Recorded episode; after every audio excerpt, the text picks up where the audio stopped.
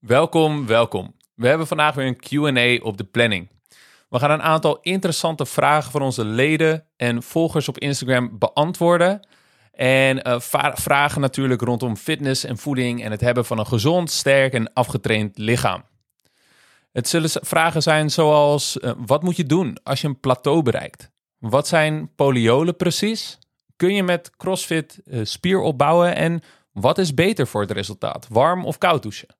En nog veel meer natuurlijk. Ik ben coach Bernard, oprichter van Project IJzersterk en ik maak deze content omdat het internet vol staat met tegenstrijdige en onjuiste informatie rondom fitness en voeding. Het doel is om een duidelijk en oprecht beeld te creëren van wat er nodig is om je lichaam te transformeren, zodat jij met minder moeite meer resultaat haalt in de gym.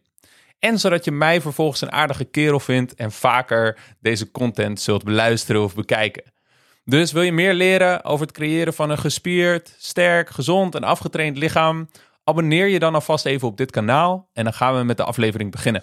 Welkom bij Project IJzersterk, de podcast waar we mensen met een druk en sociaal leven helpen om fysiek te transformeren. We geven praktische tips voor spiergroei en vetverlies en delen inspirerende verhalen. Laten we samen onze kracht vergroten en ons leven verbeteren. Samen met jou zijn we IJzersterk. Oké, daar gaan we. De eerste vraag is eh, van een van onze leden, Lieke. Zij vraagt: wat zijn poliolen precies? Op sommige producten staat bijvoorbeeld 68 gram koolhydraten, 0 gram suikers en dan 68 gram pol, POL. Nou, uh, poliolen, gespeld P-O-L-Y-O-L-E-N. Dat zijn natuurlijke suikervervangers. Die worden, uh, dat zijn zoetstoffen die gewonnen worden uit verschillende soorten fruit. Het zijn dus geen chemische stoffen, hoe raar de naam ook klinkt. Uh, het zijn gewoon stoffen die voorkomen in de natuur. En niet dat chemisch per se verkeerd is, want dat is ook een misvatting die tegenwoordig uh, vaak uh, wordt verspreid. Um, deze poliolen hebben als uniek kenmerk dat ze minder of zelfs niet worden opgenomen in ons verteringsstelsel. En daardoor krijg je minder calorieën binnen. Um, dus uh, de, de, de netto-inname van calorieën is lager dan die van suikers. Een stuk lager in de meeste gevallen. Ik ga even een aantal bekende poliolen opnoemen. Dat lees ik even voor, want die weet ik niet uit mijn hoofd.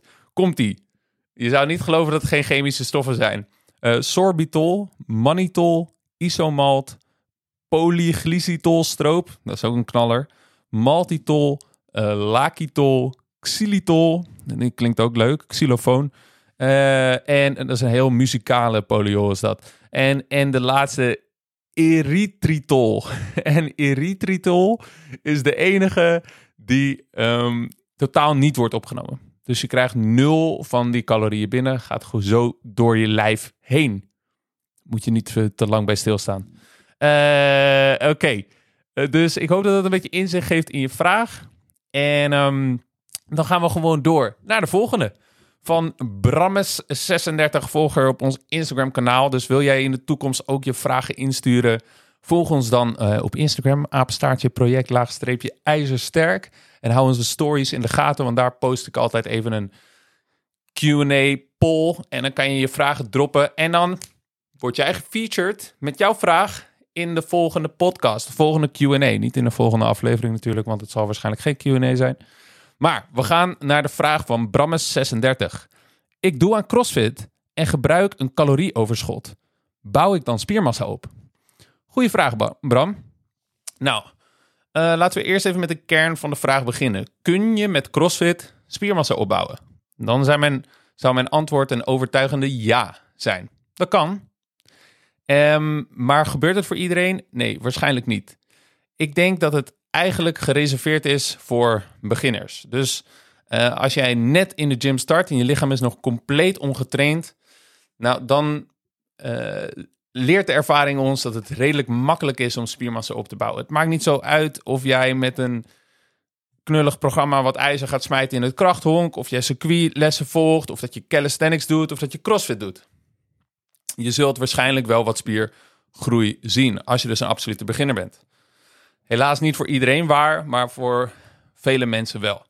Alleen aan dit feest komt een eind. Als jij voorbij de beginner gains bent, zul je gewoon meer je best moeten doen om nog resultaten te zien. En zul je je training dus beter moeten inrichten voor spiergroei. En uh, CrossFit uh, workouts uh, zijn meestal ver van optimaal als het om spiergroei gaat. Om daar een beetje uitleg aan toe te voegen, wil ik even een contrast schetsen tussen trainen voor CrossFit en trainen voor spiergroei. Het doel bij CrossFit is eigenlijk altijd efficiëntie. Dus we, je wilt een oefening zo efficiënt mogelijk uitvoeren, zodat je zoveel mogelijk gewicht kunt verplaatsen, zoveel mogelijk repetities kunt doen, of de oefening zo lang mogelijk kunt doen met zo min mogelijk moeite. Want hoe minder moeite het kost, hoe beter je kunt presteren en hoe beter je dus zult, nou, competitief zult zijn in de sport. Makkelijker je door je workout, hogere scores, etc. Dus het doel van de beweging is efficiëntie. Goed voorbeeld daarvan is de kipping pull-up. Als je dit uh, nog nooit gezien hebt, is een pull-up waarbij je eigenlijk een heel erg een zwaaibeweging vanuit het hele lichaam gebruikt om jezelf naar de stang toe te katapulteren en je laat jezelf eigenlijk heel snel weer zakken met heel weinig controle om, nou wel met controle, maar een heel hoog tempo en uh, weinig um, uh, spierspanning om um, dat is ook niet de goede uitleg. Oké, je gebruikt heel veel momenten van het lichaam, een zwaai vanuit het lichaam om jezelf naar de stang toe te slingeren. En je voert de beweging dus uit om de pull-up zo makkelijk mogelijk te maken. Zodat je er heel veel of, en ze heel snel kunt doen. Super mooi als je efficiënt wilt zijn. Willen we voor spiergroei trainen, dan willen we eigenlijk bijna het tegenovergestelde doen. We willen meestal de oefening zo inefficiënt mogelijk uitvoeren, zodat we met een gegeven hoeveelheid gewicht de spier zo hard mogelijk kunnen laten werken. Dus we willen de pull-up dan wellicht doen met het lichaam helemaal stil, zodat de spieren in de arm en de rug keihard moeten werken om jou naar die stang toe te trekken en ook weer gecontroleerd laten zakken. Dat is een hele slechte manier om de oefening uit te voeren als jij er zoveel mogelijk wilt doen in zo min mogelijk tijd. Dan kun je beter de uh, kipping pull-up doen van de CrossFit. Dus we zien een groot contrast hoe de sport is ingericht. En daarnaast zit CrossFit natuurlijk ook vol met andere bewegingen die helemaal niet met spiergroei te maken hebben. Veel cardiovasculaire dingen, um, weightlifting, uh, dus de, de, de, um, de weightlifting oefeningen zelf, de clean and jerk en de snatch. Bouw je waarschijnlijk niet zoveel spiermassa op. Het is alleen maar concentrisch, maar ze gebruiken natuurlijk ook squats en deadlifts en variaties daarvan om die uh, bewegingen sterker te maken. Nou, daar kun je wel weer spiermassa mee opbouwen. Maar Lang verhaal kort, als, we, als je gewoon puur uh, CrossFit workouts doet, dan train je waarschijnlijk niet erg optimaal voor spiergroei. En daarnaast zijn de workouts vaak ook niet gepersonaliseerd. Je doet mee met een groepsles en je krijgt gewoon wat de groep krijgt. En natuurlijk wel misschien een aangepast gewicht. Mijn advies zou zijn, uh, laat ik het anders stellen. Het is eigenlijk als vragen, kun je kruipend ook een marathon rennen? En als je er even over nadenkt, nou ja, dan zou je zeggen, ja, dat kan. Je kunt kruipend een marathon doen. Maar wat nou als je gewoon opstaat en rent? Dat is eigenlijk hoe ik deze vraag zie. Dus uh, mijn advies zou zijn om je prioriteit te kiezen. Wil jij flink, wil je ergens goed in worden of flink resultaat zien, dan moeten we prioriteiten stellen. En meestal gaat prioriteiten stellen meer over bepaalde dingen niet doen dan heel veel extra dingen doen. En in dit geval zou ik dus kiezen, wat is er belangrijker voor jou? Is dat het plezier van de CrossFit workouts? Of is dat in deze periode zoveel mogelijk spiermassa opbouwen omdat je een calorieoverschot gaat gebruiken, bulkfase wil groter en sterker worden? Dat kan natuurlijk vervolgens ook weer handig zijn voor het crossfitten. Maar we willen dus voor een bepaald seizoen, een bepaalde periode, een bepaalde fase een prioriteit kiezen. Er is niks mis met CrossFit en trainingsplezier kiezen als prioriteit. Als jij krachttraining voor spiergroei niks aanvindt, als je er doodongelukkig van wordt, doe het dan niet. Fuck dat calorieoverschot. Je bent goed zoals je bent. Ga lekker crossfitten. Maar wil jij, vind jij het tof om deze uitdaging aan te gaan, om te ontdekken wat er nodig is en wat er mogelijk is met jouw lichaam met een calorieoverschot, een training gericht op spiergroei? Richt dan dat in als prioriteit. Zet het crossfit op een lager pitje of doe het een, een, tijdje niet. En Uh, ja, maak daar een keuze in. Dus je kunt dan ervoor kiezen om wel een hybride vorm te doen. Dat je bijvoorbeeld minimaal drie keer in de week krachttraining doet gericht op spiergroei. En dan doe je daarnaast misschien nog één of twee CrossFit workouts. Omdat je het leuk vindt. Het sociale component, prachtig. Dat doen we vaak met onze leden. Een mix. Dan heb je niet het ultieme qua spiergroei. Maar heb je misschien wel bijna alles wat je kunt bereiken daar. En heb je ook nog een stukje fun. Maar we moeten wel een keuze maken. We kunnen niet ja, best of both worlds krijgen. Heel erg bedankt voor het luisteren van deze aflevering. We nemen even een korte pauze voor het volgende verzoek. We hebben geen sponsors op deze podcast en we draaien hiervoor geen advertenties. De enige manier waarop dit groeit is door mond-tot-mond reclame. Als jij waarde haalt uit deze podcast, dan ken je vast ook anderen die onze content kunnen waarderen. Wellicht zou je het kunnen delen op social media of met vrienden of familie. We zijn je eeuwig dankbaar. Terug naar de podcast. Oké, volgende vraag van Baas. Baas SOH. Uh, kan je met jullie programma meedoen zonder sportschoolabonnement? Heel kort antwoord: ja, kan. Uh, maar dan is het in de meeste gevallen wel aan te raden om spullen in huis te hebben, zoals dumbbells, een bankje, misschien een rek, uh, misschien een barbel. Eigenlijk kunnen we met heel weinig materiaal al goede resultaten boeken. Dus we hebben ook leden die heel veel aan het reizen zijn, die in hotelgyms of zelfs met gewoon weerstandsbanden en een, en een paar ja, makkelijk mee te nemen spullen, uh, turnringen. prima progressie boeken, maar is het optimaal? Nee. dus um, heb je een sportschool in de buurt? Vind je het oké om naar de gym te gaan? Super. Of heb je wat materialen in huis?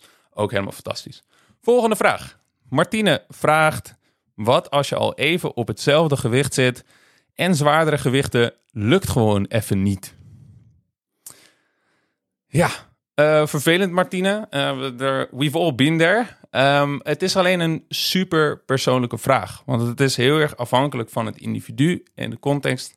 Wat uh, een slimme um, reactie daarop is. Een slimme strategie om het plateau te doorbreken. Dus we hebben het hier over een krachtplateau, uh, dus een progressieplateau in de gym. En hoewel dat een redelijk simpel uh, probleem lijkt, kunnen de antwoorden, de slimme strategieën hiervoor totaal verschillen. Dus in de ene situatie is het bij een plateau slim om minder te doen en meer te rusten. En in het andere geval moet je juist meer doen. Dus er is eigenlijk geen duidelijk antwoord op te geven. Maar ik kan je wel een paar stappen geven die, uh, die je kunt uh, doorlopen om te analyseren wat er gebeurt. Nou, nummer 1 is je trainingskwaliteit checken. Train je met de juiste techniek, de juiste oefeningen, de juiste intensiteit. Ja? Mooi, volgende stap. Herstelcapaciteit checken. Slaap je goed? Stresslevels een beetje oké? Is je voeding consistent goed? Dan heb ik het over consistent, niet vier dagen goed en dan drie dagen bagger. En uh, zo ja, volgende stap. Nummer drie is trainingsvolume. Um, als we denken dat er een tekort aan herstelcapaciteit is, dus dat je merkt dat de spier eigenlijk nog niet hersteld is voor de volgende sessie, nou, dan moeten we misschien even wat extra rust inplannen in de vorm van een deload of iets minder training gaan doen. En um, eventueel, als dat dan nog niet oplevert wat, het, uh, wat we willen dat het oplevert, of de oefening is gewoon heel erg saai geworden en je hebt er gewoon echt helemaal geen zin meer in, dan kun je stap 4 uh, eh, uitvoeren en dat is de oefening vervangen. Maar dat is een last resort, want wat, wat, uh, wat er veel gebeurt in de, in de fitness, heb ik het idee in ieder geval. En het is ook een beetje wat ik toen ik begon als personal trainer zelf toepaste, niet helemaal bewust. Maar wat mensen vaak doen is dat ze om de haverklap het programma verwisselen. En het leuke hiervan is dat het dan veel makkelijker is om progressie te boeken. Want als je een nieuwe oefening doet, nou, dan is het altijd een beetje onwennig die eerste training kun je niet zo heel veel gewicht verplaatsen. En dan kun je wekenlang elke week grote stappen maken vooruit in het gewicht dat je verplaatst of de reps die je doet. En dan denk je, wauw, ik ga super goed vooruit. En dan boem, vier weken later ga je weer een nieuw programma doen. En dan heb je weer hetzelfde verhaal. En daardoor lijkt het alsof je continu progressie aan het boeken bent. Maar wat je eigenlijk aan het doen bent, is steeds gewoon een oefening doen die je eventjes niet gedaan hebt, die dus onwennig voelt. En dan vier weken lang je techniek en efficiëntie verbeteren, waardoor je meer gewicht en meer reps kunt uitvoeren. En dan ga je weer een nieuwe oefening doen. En het is een soort verkapte progressie, een soort nep-progressie. Um, want als je dan onderaan de streep kijkt en je vergelijkt, nou bijvoorbeeld je dumbbell press, die heb je dan vier weken gedaan. Ging vooruit en dan doe je hem een half jaar later weer vier weken, dan zul je waarschijnlijk zien dat je ongeveer op hetzelfde gewicht zit. Nou, misschien ben je wel vooruit gegaan en heb je heel erg geluk gehad, maar het, het is heel moeilijk meetbaar. Het is namelijk ook zo dat sommige oefeningen gewoon, zoals een dumbbell press, wat oefening nodig hebben, wat repetitie nodig hebben om er goed in te worden en om de spier goed te kunnen stimuleren. Dus het is super zonde als je zo drie, vier weken nodig hebt om de oefening überhaupt goed genoeg te kunnen doen om maximale spiergroei te stimuleren, om hem dan opeens te vervangen. En nu ga ik eigenlijk een beetje uh, antwoord geven op de volgende vraag al, want JJ Cool uh, eh, 4357 vraagt, om de hoeveel tijd moet je je schema omgooien en oefeningen vervangen? Ook hier is geen simpel antwoord op. Het is als vragen: uh, wanneer moet ik mijn auto een onderhoudsbeurt geven? Ja, dan zou een uh, monteur en uh, waarschijnlijk gaan de monteurs die luisteren echt denken: Bernard, je bek over auto's, je weet er echt helemaal niks van. Dat klopt. Sorry hiervoor. Maar ik, ik hoop dat mensen um, dit, dat deze analogie, hoe, hoe zeg je dat? Deze vergelijking um, mensen zal helpen om het beter te begrijpen. Dus sorry, monteurs, sorry. Ik ga dit compleet butcheren. Maar om toch een vergelijking te maken. Het is als vragen: wanneer moet ik mijn auto een onderhoudsbeurt geven? Over welke auto gaat het? Hoeveel kilometer rij je precies? Wat is je rijstijl? Uh, doe je het nodige onderhoud in de tussentijd? Bandenspanning, olie vervangen. Al die dingen hebben invloed op dat antwoord. Dus er is niet één antwoord wat voor iedereen geldt. Het is heel erg afhankelijk van de context. En ehm, pas als de specialist al deze info heeft, en dat zal een monteur veel beter kunnen doen dan ik, dan kunnen ze een inschatting maken van wanneer het tijd is, wanneer het moment is aangekomen om een onderhoudsbeurt te doen. Maar, dus weer een vaag antwoord. Maar ik wil je wel een aantal extra inzichten meegeven waar je misschien wat aan hebt. Zoals ik net al zei tegen Martine, oefening baart kunst. Dus als we een oefening vaker in het programma hebben, als we die bijvoorbeeld elke week doen, voor weken, maanden, misschien wel zelfs drie tot zes maanden tijd. Hè? Als we een oefening drie tot zes maanden tijd in het programma hebben zitten, dan uh, zul je in het begin zien dat je snel vooruit gaat en daarna wordt het steeds moeilijker, omdat je goed bent geworden in de, in de oefening. En het dus veel meer afhankelijk is van de hoeveelheid spieropbouw die je uh, of je nog vooruit gaat of de oefening, dan in het begin dat heel erg technische, ik word beter in de oefening, progressiestukje. Dus oefening baart kunst, dat is heel erg belangrijk. Variatie is namelijk overrated voor stimulans. Mensen hebben het altijd, shock the muscle, je moet altijd wat nieuws doen. Onzin. Het is een verkapte manier om net progressie te boeken. Je lichaam heeft inderdaad een groeiende stimulans nodig, omdat je steeds sterker wordt, omdat je lichaam steeds meer gewend raakt aan de prikkel die we geven. Het overload-principe eh, is misschien voor de meeste mensen wel bekend. We moeten steeds meer doen om het lichaam te blijven stimuleren, om vooruit te blijven gaan. Maar dat kan ook gewoon gewicht toevoegen, repetities toevoegen of je techniek verbeteren zijn. Dat zijn allemaal manieren om die stimulans te vergroten. Hoef je de oefening niet voor te wijzigen. Um, dus een van de stellingen waar ik van hou is never change a winning team. Als jij progressie kunt boeken op een oefening, en je hebt plezier op de oefening, dan zou ik zeggen, dan heb je een winning team. Er is geen reden om hem te vervangen. En dat gaat niet alleen over de oefening, maar dat gaat over je hele programma. Um, daarnaast is het ook heel erg belangrijk om over tijd je progressie een beetje in kaart te kunnen brengen. Als we niet weten of je vooruit gaat op de oefeningen, dan ja, missen we een belangrijke indicator voor jouw progressie en spieropbouw. Dus als we altijd andere oefeningen doen, dan kunnen we dus heel moeilijk de progressie meten die je op individuele oefeningen maakt. En dan kunnen we dus heel moeilijk wat zeggen over of je überhaupt een goede stimulans krijgt voor spiergroei. Maar dus er kunnen natuurlijk wel goede redenen zijn om je programma te veranderen. En uh, dat kunnen zijn de volgende: blessures en pijntjes. Goede reden om een oefening te vervangen of een deload te nemen of uh, je programma zelfs grotere wijzigingen in te maken als dat tijdelijk nodig is. Verveling. Eentje die minder sexy is voor de optimalisatie. Uh, optimalisatiefanaten onder ons. optimaal, optimaal. We moeten alles zo perfect mogelijk doen. Ja, maar als jij helemaal kapot verveelt in de gym en je gaat met tegenzin naartoe omdat je denkt, oh, weer hetzelfde rondje. Dan zou ik zeggen, dan is het tijd om wat te gaan veranderen, zodat je met plezier naar de gym gaat, want dan blijf je het langer doen.